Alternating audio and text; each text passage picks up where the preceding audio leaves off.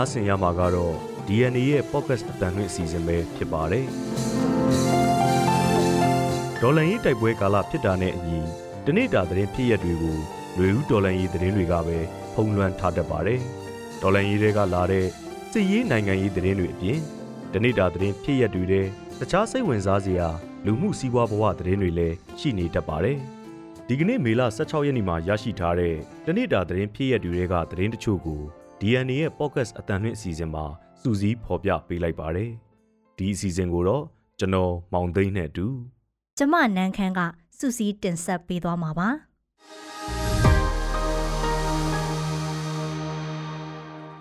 ပထမဦးဆုံးအနေနဲ့မုံတိုင်းတင်ရခိုင်မှာမိုးတိမ်တောင်တွေဖြတ်ထွန်းနေပြီးလေပြင်းတိုက်ခတ်နိုင်တယ်လို့မိုးစလတတိပေးတယ်ဆိုတဲ့အကြောင်းကိုပြောပြပါမယ်။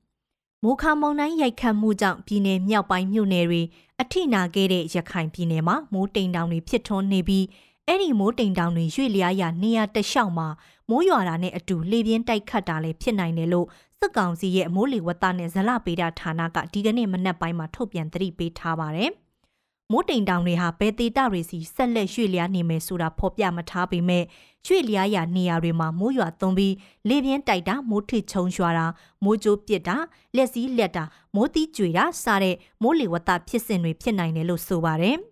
ပုံမှန်အားဖြင့်လေထုမတည်ငြိမ်မှုအဖြစ်များတဲ့နွေရာသီမိုးဦးနဲ့မိုးလွန်ကာလတွေမှာမိုးတိမ်တောင်ဖြစ်စဉ်တွေဖြစ်လေရှိပြီးတော့လွင်ဒီခေါင်ပြင်ဒေသတွေခိုင်ခန့်တဲ့အကာအကွယ်မရှိတဲ့နေရာတွေနဲ့ ပင်လယ်ပြင်အတွင်းအလောက်လောက်ကင်နေတဲ့သူတွေသတိထားဖို့လိုတယ်လို့မိုးလေဝသပညာရှင်တွေကသတိပေးလေရှိပါတယ်။မိုးတိမ်တောင်တွေကြောင့်လေပြင်းတိုက်ခတ်မှုတွေလည်းမြန်မာနိုင်ငံဒေသအသီးသီးမှာနှစ်စဉ်ဖြစ်လေရှိပါတယ်။မိုးတိမ်တောင်တွေကြောင့်လေစင်နှမောင်းတိုက်ခတ်မှုတွေလည်းဖြစ်တတ်ပါတယ်။မိုးတိမ်တောင်တွေဟာနေ့လယ်ပိုင်းနဲ့ညနေပိုင်းတို့မှာအဖြစ်များလေးရှိပြီးတော့မိုးချင်းတန်ကြားရတဲ့နေရာတွေဟာမိုးတိမ်တောင်နဲ့နီးနီးကက်ကက်ရှိနေတတ်တယ်လို့မိုးလေဝသပညာရှင်ဦးထွန်းလင်မကွယ်လွန်မီကသတိပေးခဲ့ဖူးပါတယ်။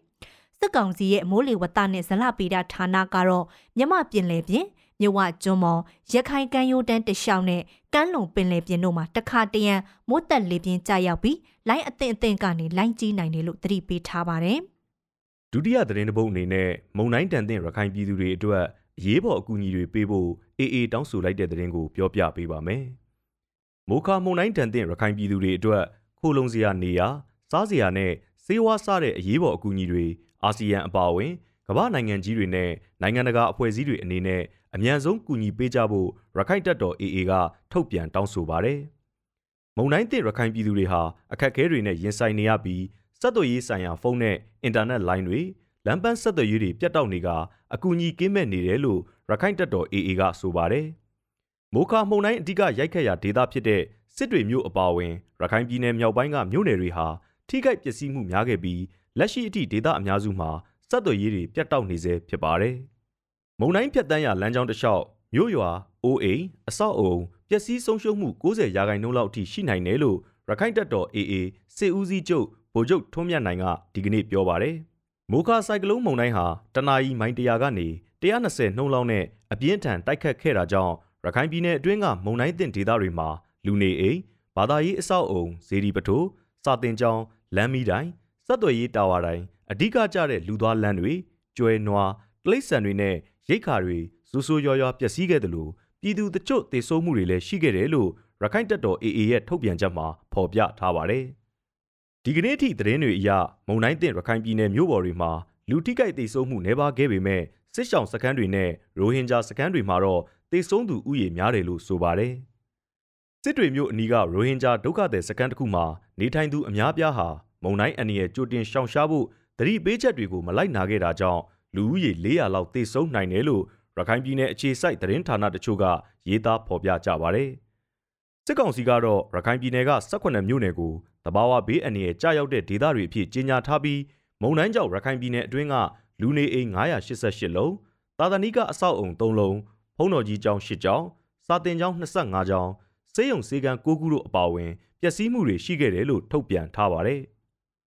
မုံတိုင်းတန်တဲ့ဒေသတွေကူညီကယ်ဆယ်ရေးနဲ့ပြန်လည်ထူထောင်ရေးလုပ်ငန်းတွေအတွက်စုစုပေါင်းအလှူငွေကျပ်သိန်းပေါင်း3သိန်း3810ကျော်ရရှိထားပြီးရခိုင်ပြည်နယ်အတွက်ကျပ်သိန်းပေါင်း9000ခွဲဝေပေးထားတယ်လို့စစ်ကောင်စီကဆိုပါတယ်။ပြီးခဲ့တဲ့နှစ်ပိုင်းတွေအတွင်းစစ်တပ်နဲ့ရခိုင်တပ်တော် AA တို့နှကြော့ပြန်တိုက်ပွဲတွေဖြစ်ခဲ့တဲ့ရခိုင်ပြည်နယ်မှာစစ်ဘေးရှောင်စခန်းတွေထဲနေထိုင်နေကြတဲ့စစ်ရှောင်သိန်းနဲ့ချီရှိခဲ့တယ်လို့ရိုဟင်ဂျာဒုက္ခသည်စခန်းတွေလည်းအများပြားရှိနေတာပါအခုမိုခါမှုန်တိုင်းကြောင့် စစ်ဘေးရှောင်စခန်းတွေနဲ့ရိုဟင်ဂျာဒုက္ခသည်စခန်းတွေမှာလည်းပျက်စီးဆုံးရှုံးမှုအများပြားရှိခဲ့ပါတယ်ဆက်လက်ပြီးတော့လူနည်းစုပါသားတွေကိုမြန်မာစစ်တပ်ကနှိပ်ကွနေစေလို့အမေရိကန်ပြောတဲ့ဆိုတဲ့အကြောင်းကိုပြောပြပါမယ်။နိုင်ငံကိုအာဏာသိမ်းထားတဲ့မြန်မာစစ်တပ်ဟာလူနည်းစုပါသားဝင်တွေအပေါ်ဥတီနှိပ်ကွဖိနှိပ်မှုတွေဆက်လုပ်နေတယ်လို့အမေရိကန်နိုင်ငံခြားရေးဝန်ကြီးအန်တိုနီပလင်ကန်ကပြောလိုက်ပါတယ်။ အမေရိကန်ပြည်ထောင်စုမှာကျမတဲ့ဘာသာရေးလွတ်လပ်ခွင့်အစီရင်ခံစာထုတ်ပြန်တဲ့အခမ်းအနားကိုတက်ရောက်ခဲ့တဲ့နိုင်ငံခြားရေးဝန်ကြီးကမြန်မာနိုင်ငံကဘာသာရေးလွတ်လပ်ခွင့်အခြေအနေနဲ့ပတ်သက်လို့အဲ့ဒီလိုထည့်ပြောခဲ့တာပါ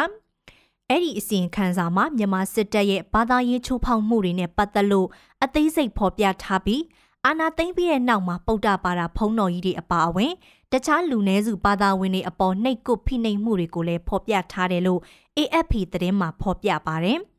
ဒါပေမဲ့စစ်ကောင်စီရဲ့လောက်ရက်နဲ့ဝါဒတွေကိုစန့်ကျင်ပြီးမြန်မာနိုင်ငံကထောင်နဲ့ချီတဲ့ဆရာဆရာမတွေဟာမတူညီတဲ့ပါတာလူမျိုးအချင်းချင်းကြားလေးစားမှုရှိဖို့နဲ့လူအခွင့်အရေးစံနှုန်းတွေကိုလိုက်နာကြဖို့တင် जा ပေးနေတာတွေလည်းရှိတယ်လို့အမေရိကန်နိုင်ငံသားရေးဝန်ကြီးကထည့်ပြောပါတယ်။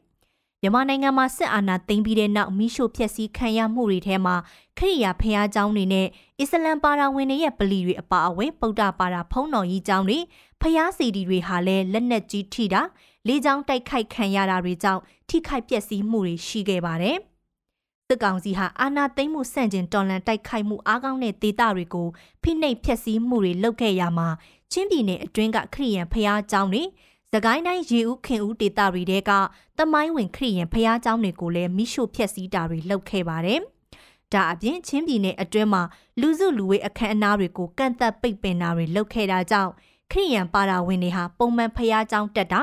ဆုတောင်းပွဲတွေအတွက်အခက်တွေ့နေကြရတာမျိုးတွေလည်းရှိနေပါတယ်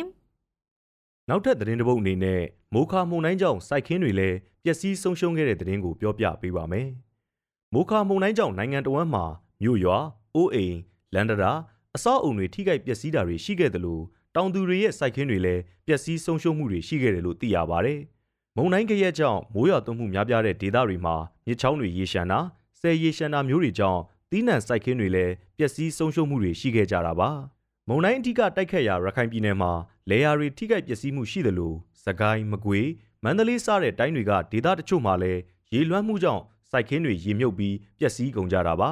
။အဲ့ဒီဒေသတွေမှာစိုက်ကင်းပျက်စီးမှုဘလောက်ထိရှိမဲဆိုတဲ့ကိန်းဂဏန်းအချက်လက်တွေကိုတော့လက်တလောအတိအကျမသိရသေးပါဘူးစစ်ကောင်စီကစစ်ကြောင်းခဏခဏထိုးလို့ဒေသခံတွေမကြမကြာထွက်ပြေးနေကြရတဲ့ စကိုင်းတိုင်းခင်ဦးမြို့နယ်မှာတော့မုံတိုင်းမိုးကြောင့်စုစုပေါင်းကျေးရွာ90နီးပါးကနွေရာသီတီးနှံတွေဖြစ်တဲ့ပဲဒီစိန်မတ်ပဲနှံငရုတ်အပြင်တခြားစိုက်ကင်းတွေစုစုပေါင်းစိုက်ဧက1000ကျော်လောက်ပျက်စီးသွားတယ်လို့ဒေသခံတွေကပြောပါတယ်။ဒါအပြင်မုံတိုင်းရိုက်ခတ်မှုကြရဲ့ကြောင့်နိုင်ငံတော်ဝန်ဒေသအသီးသီးကဒေသခံတွေနဲ့စစ်ဆောင်တွေဟာနေစရာအဆောက်အုံနဲ့ရိတ်ခါတွေပျက်စီးသွားတာအပြင်စိုက်ပျိုးထားတဲ့တီးနှံတွေပါထိခိုက်ပျက်စီးကုန်ကြတာကြောင့်လိုအပ်ချက်တွေပိုများလာဖို့ရှိနေပါတယ်။ စစ်ကြောင်းထိုးမီးရှို့ခံရမှုနဲ့တိုက်ပွဲတွေကြောင့်လိုအပ်ချက်တွေများနေတဲ့ဒေသတွေမှာအခုလိုမုံတိုင်းကြောင့်ပျက်စီးဆုံးရှုံးမှုတွေပါထပ်တိုးလာပြီးအခက်အခဲတွေပိုတိုးလာနိုင်တယ်လို့အခြေခံစားတောက်ကုန်စည်နှုန်းတွေထပ်မြင့်တက်လာတာမျိုးလဲကြုံရနိုင်ခြေရှိနေပါတယ်။နောက်ဆုံးအနေနဲ့မုံတိုင်းကရက်ကြားကတိုက်ပွဲတွေအကြောင်းကိုပြောပြပေးပါမယ်။ဖြက်အားပြင်းမှုခါမုံတိုင်းကရက်ကြောင့်နိုင်ငံတော်ဝန်ကဒေသအနှံ့အပြားမှာအခက်အခဲတွေဖြစ်နေကြတဲ့အချိန်မှာ စစ်ကောင်စီနဲ့တော်လန်ရေးအင်အားစုတွေကြားကတိုက်ပွဲတွေလည်းဆက်ရှိနေပါတယ်။စစ်ကောင်စီဟာမုံတိုင်းကရက်ကြားကစကိုင်းတိုင်းမြို့နယ်တချို့မှာမုံတိုင်းကာလအတွင်းမှာပဲစစ်ကြောင်းထိုးမှုတွေဆက်လုပ်နေတာကြောင့်ဒေသခံတွေဟာမိုးရဲလေထဲမှာအသက်လူပြေးလွှားနေကြကြရသလိုကရင်နီဒေသနဲ့မြရီမြို့အနီးတစ်ဝိုက်မှာလည်းဒေါ်လာရေးအင်အားစုတွေနဲ့တိုက်ပွဲတွေဆက်ဖြစ်နေတယ်လို့သိရပါဗျ။မိုခါမုံတိုင်းမြန်မာနိုင်ငံကမ်းရိုးတန်းကိုစတင်ဝင်ရောက်တဲ့မေလ14ရက်မှာပဲစကိုင်းတိုင်းထဲက ခင်ဦးကနီစတဲ့မြို့နယ်တွေမှာစစ်ကောင်စီကစစ်ကြောင်းထိုးမှုတွေဆက်လုပ်လာတာကြောင့်တိဒခံထောင်နဲ့ချီဟာထွက်ပြေးတိမ်းရှောင်ခဲ့ကြရပါတယ်။ဒေသခံတွေဟာအဲ့ဒီမုံတိုင်းကာလမှာမုံတိုင်းကရက်ကြောင့်စားနပ်ရိက္ခာတွေဆုံးရှုံးခဲ့ကြရတာတွေရှိသလိုစစ်ကောင်စီတပ်သားတွေကလူရဲဖျက်ဆီးတာကြောင့်လဲပိုင်ဆိုင်မှုတွေဆုံးရှုံးခဲ့ကြရပါသေးတယ်။အဲ့ဒီလိုစစ်ကြောင်းထိုးချိန်တွေအတွင်းတော်လန်ရေးတပ်ဖွဲ့တွေနဲ့နှစ်ဖက်တိုက်ပွဲတွေဖြစ်ခဲ့ကြတာမျိုးလည်းရှိပြီးတော့အသေးစိတ်အခြေအနေကိုတော့မသိရသေးပါဘူး။ အလားတူပဲကရင်ပြည်နယ်နဲ့ကရင်နီဒေသတွေမှာလည်းစစ်ကောင်စီနဲ့တော်လှန်ရေးအင်အားစုတွေမုံတိုင်းကာလအတွင်းမှာပဲတိုက်ပွဲတွေဖြစ်ခဲ့ကြပြီးတော့စစ်ရေးဆက်လက်တင်းမာနေကြတယ်လို့သိရပါတယ်။အခုနိုင်ငံတကာသတင်းအစီအစဉ်ကိုကိုမောင်သိန်းကဆက်လက်တင်ဆက်ပေးပါမယ်။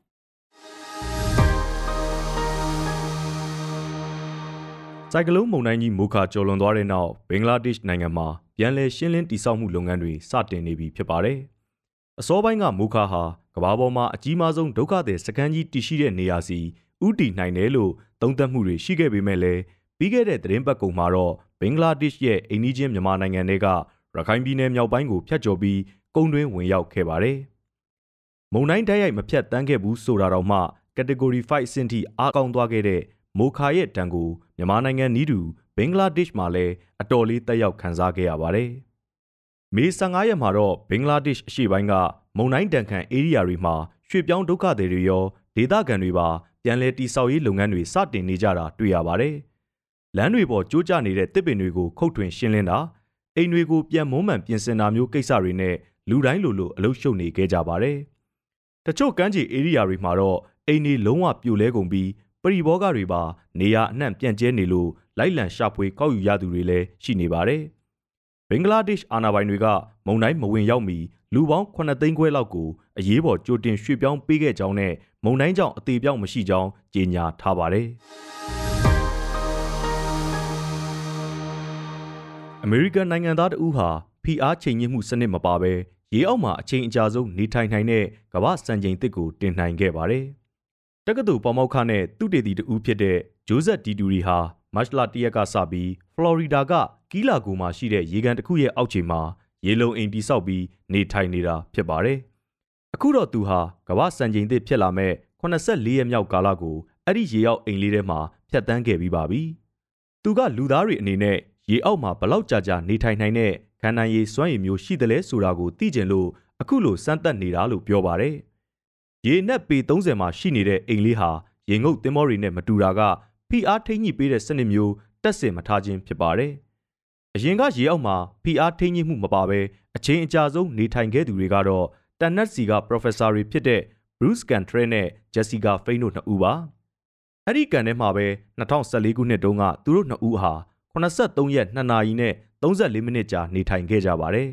။ဒီတူရီကတော့သူဟာကမ္ဘာစံချိန်ချိုးယုံရီမှန်းချက်တစ်ခုတည်းထားရှိတာမဟုတ်ဘဲ အ ਨੇ ဆုံးဇွန်လ9ရက်ထိရက်တရာပြည့်အောင်ဆက်နေအောင်မယ်လို့ပြောပါတယ်။အခုအစီအစဉ်ဟာသမုဒ္ဒရာဆိုင်ရာနဲ့ဈေးပညာဆိုင်ရာလေးလာရေးရီမှန်းချက်တွေအတွက်ဖြစ်ပါတယ်။ရေအောက်မှာနေထိုင်ချိန်မှာဒီတူရီကဆယ်မွန်ငါးနဲ့ကြက်ဥလိုမျိုးပရိုတိန်းကျွယ်ဝတဲ့အစားအသောက်တွေကိုမိုက်ခရိုဝေ့မီးဖိုနဲ့ချက်ပြုတ်ပြီးများများစားလေ့ရှိပါတယ်။သူ့ကိုရေပြင်ပေါ်မှာရှိနေတဲ့အဖွဲ့တွေကရေငုပ်ဆင်းသက်ပြီးလိုအပ်တာတွေကူညီဖြည့်တင်းပေးကြပါတယ်။သူဟာ ဖိအားများတဲ့နေရာမျိုးမှာလူခန္ဓာကိုယ်ရဲ့တုံ့ပြန်ပုံကိုလေးလာစောင့်ကြည့်မှုတွေကိုလည်းမနက်တိုင်းမှတ်တမ်းတင်စီးရင်ပြုစုထားလေရှိပါတယ်။ရေအောက်မှာအချိန်ကြာကြီးဆင်းနေတဲ့အချိန်သူအလွမ်းမောဆုံးအရာကတော့နေလုံးကြီးဖြစ်ပြီးရေပေါ်ပြန်တက်တဲ့အချိန်ကြရင်နေဝင်နေထွက်ရှုခင်းတွေကိုတဝါကြီးခံစားဖို့အားခဲထားကြောင်းဒီတူရီကပြောကြားသွားပါတယ်။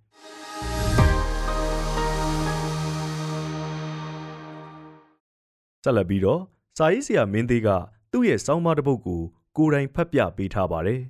မင်္ဂလာပါကျွန်တော်မင်းသေးပါဒီနေ့တော့ကျွန်တော်ရဲ့စောင်းပါလေးတစ်ပုဒ်ကိုထပ်မံဖတ်ပြခြင်းပါတယ်စောင်းပါကောင်းစဉ်ကတွန့်ဆုပ်တွန့်ဆုပ်မလုံးနဲ့တဲ့ကျွန်တော်ကိုယ်တိုင်တွန့်ဆုပ်တွန့်ဆုပ်ဖြစ်ခဲ့ဘူးပါတယ်အကြီးကျယ်ဖြစ်ခဲ့ဘူးပါတယ်ဘလို့နေရာမှာတွန့်ဆုပ်တွန့်ဆုပ်ဖြစ်တယ်လဲလို့ပြောရင်ကိုဘိုးကရှောက်လန်းနဲ့ပတ်သက်ပြီးရွေးချယ်ဆုံးဖြတ်လုပ်ကင်ရမှာအလွန်မင်းတွန့်ဆုံတွန့်ဆုံဖြစ်ခဲ့ပါတယ်။ အသည့်သာဆုံးသောနေ့ရက်ကာလတွေကတော့ကျွန်တော်စေကျော်သက်အရွယ်ဘဝတုန်းကပဲဖြစ်ပါတယ်။ညတကောင်ရန်ချိန်တွေထိစကလုံးတစ်စေ6ခံရင်ဘယ်အရာကိုရွေးချယ်ရမလဲဆိုတာကိုအမြဲတမ်းတွန့်ဆုံနေခဲ့ပါတယ်။ဒါကိုကျွန်တော်မကြိုက်ပါဘူး။ဒါပေမဲ့ကျွန်တော်မဖောက်ထွက်နိုင်ခဲ့ပါဘူး။ဘယ်အရာကိုမှပြက်ပြက်သားသားမဆုံးဖြတ်နိုင်လို့လှုပ်တဲ့အလုပ်တွေကိုလည်းဝေနေတာဝိုက်နေတာများပါတယ်စင်ကြီးပေးနေတာများပါတယ်တခါတရံ မထုံတက်သေးနဲ့နဝေတိန်တောင်လုံနေတတ်ပါသေးတယ်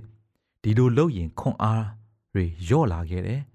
ဘာကိုမှဖြစ်ဖြစ်မြောက်မြောက်ပြီးပြီးပြင်းပြင်းမလုံနိုင်တဲ့လူဘိုတယောက်လိုခံစားခဲ့ရတယ်2009ခုနှစ်တခုရဲ့ຫນွေညတညမှာကျွန်တော်ဟာကျွန်တော်စီမှာကိန်းအောင်နေတဲ့တွန့်ဆုတ်တွန့်ဆုတ်ဖြစ်မှုတွေကိုကလနာတတ်နိုင်ခဲ့ပါတယ်ထို့နောက်ဖြိုဖျက်ပစ်နိုင်ခဲ့ပါတယ်ဘလို့အရာကကျွန်တော်ကိုပြတ်သား စေခဲ့တာလေကျွန်တော်ဟာအမှတ်မထင်ဆရာတော်ဦးစောတိကရဲ့ကိုကြီးကိုသွေးမြမစေရန်ဆိုတဲ့စာအုပ်ကိုဖတ်မိပါတယ်အဲ့ဒီစာအုပ်ရဲ့စာမျက်နှာ26 29ကိုဖတ်ပြီးချိန်မှာကျွန်တော်ဟာကျွန်တော်မှတ်စုစာအုပ်ထဲမှာဟာကောက်နှုတ်ချက်တွေကိုတရက်ဆက်ကောက်ရေးခဲ့တယ်မပြတ်သားမှုလောက်အင်အားရော့တာမရှိဘူးအဲ့ဒီမှာကျွန်တော်နားလည်လိုက်တယ် ငါအခုဘာကိုမှဖြစ်ဖြစ်မြောက်မြောက်ပြပြပြပြမလုံနိုင်သေးတာပြတ်သားတဲ့စိတ်မရှိလို့ပဲလို့သိလိုက်ပါတယ်ဒါကြောင့်ကျွန်တော်စာအုပ်ဆက်ဖတ်ဖြစ်ပါတယ်ကိုလန်းကိုတိပြီးကိုယ်တိုင်ရွေးချယ်မှုမရှိဘဲနဲ့ကိုရီကိုသွေးမဖွင့်ပြိုးနိုင်ဘူးတဲ့ပြီးတော့ကျွန်တော်ဆက်ဖတ်ပြန်တယ်ကိုလန်းကိုကိုသိပြီးကိုယ်တိုင်ရွေးချယ်မှသာလျှင် အရေးအသွေးဟာ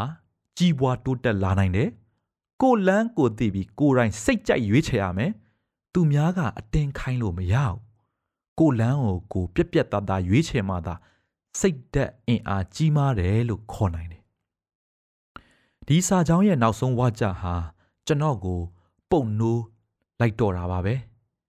ကိုလန်းကိုကိုပြက်ပြက်သားသားရွေးချယ်မှသာစိတ်သက်အင်အားကြီးမားတယ်လို့ခေါ်နိုင်တဲ့ အဲ့ဒီနောက်ကျွန်တော်ကိုကျွန်တော်မေးခွန်းတွေဆက်တိုက်ထပ်မေးမိပါတယ်အခုငါလှုပ်တဲ့အလုပ်ဟာသူများအတင်းခိုင်းလို့လားအခုငါလှုပ်နေတဲ့အလုပ်ဟာသူများတွေကိုမလွန်ဆန်နိုင်လို့လားအခုငါလုပ်နေတဲ့အလုပ်ဟာသူများတွေအထင်ကြီးအောင်တမင်လှုပ်ပြနေတာလားဒီမေးခွန်းတွေကိုထပ်တလဲလဲမေးခဲ့လို့ကျွန်တော်ဟာအများတကာရဲ့ပယောဂဒဏ်ကနေကင်းလွတ်ခဲ့တယ်လို့ယူဆပါတယ် ဒီမေးခွန်းတွေကိုကိုကိုကိုကိုနာနာမေးခွန်းမထုတ်ခဲ့ရင်အခုချိန်ထိအများရဲ့ပယောဂနဲ့ကျွန်တော်ဘဝကိုရှောက်လန်းနေရမှာပဲလို့တွေးမိတယ်ထို့နောက်စာအုပ်ကိုကျွန်တော်ဆက်ပြီးဖတ်ပါတယ်လူတိုင်းလူတိုင်းနေ့စဉ်ရွေးချယ်မှုတွေလုပ်နေရပါတယ်လမ်းစုံလမ်းကွာမှာရောက်နေပြီးတော့ဘယ်လမ်းရွေးရမလဲဆိုတာနေ့စဉ်ရွေးချယ်ဆုံးဖြတ်နေရတယ်ရွေးချယ်တာဆုံးဖြတ်တာမှန်ဖို့လိုပါတယ် အများရဲ့ပယောကကြောင့်တော်၎င်း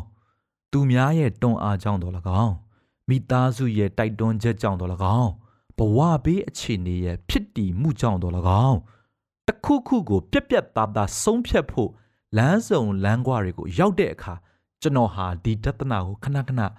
ပြေးမြင်မိပါတယ်ငါဟာရွေးချယ်နေရတယ်ငါဟာဆုံးဖြတ်နေရတယ်ငါဟာလမ်းစုံလမ်းကွာကိုရောက်နေတယ် ငါဟာဘယ်လမ်းကိုရွေးရမှာလဲဒီလမ်းကိုရွေးတာငါကိုယ်ပိုင်ဆုံးဖြတ်ချက်နဲ့လားသူများရဲ့တိုက်တွန်းချက်ကြောင့်လားဒိုဒီမဟုတ်ငါမလွန်ဆန်နိုင်လို့လားဒါမှမဟုတ်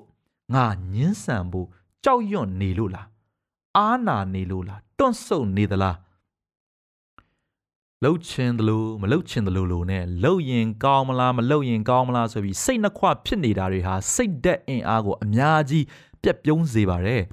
ပြက်သားတဲ့ဆန္ဒပြက်သားတဲ့ရည်ရွယ်ချက်ပြက်သားတဲ့ဥတီချက်ထားလိုက်ပြီဆိုတာနဲ့အင်အားတွေအများကြီးထွက်လာတယ်လို့ဆရာတော်ဦးစောတီကာကရေးသားထားပါတယ်ပြက်သားတဲ့ရည်ရွယ်ချက်ပြက်သားတဲ့ဥတီချက်ထားလိုက်ပြီဆိုတာနဲ့အင်အားတွေအလိုလိုရလာပါတယ်ခွန်အားတွေအလိုလိုရလာပါတယ်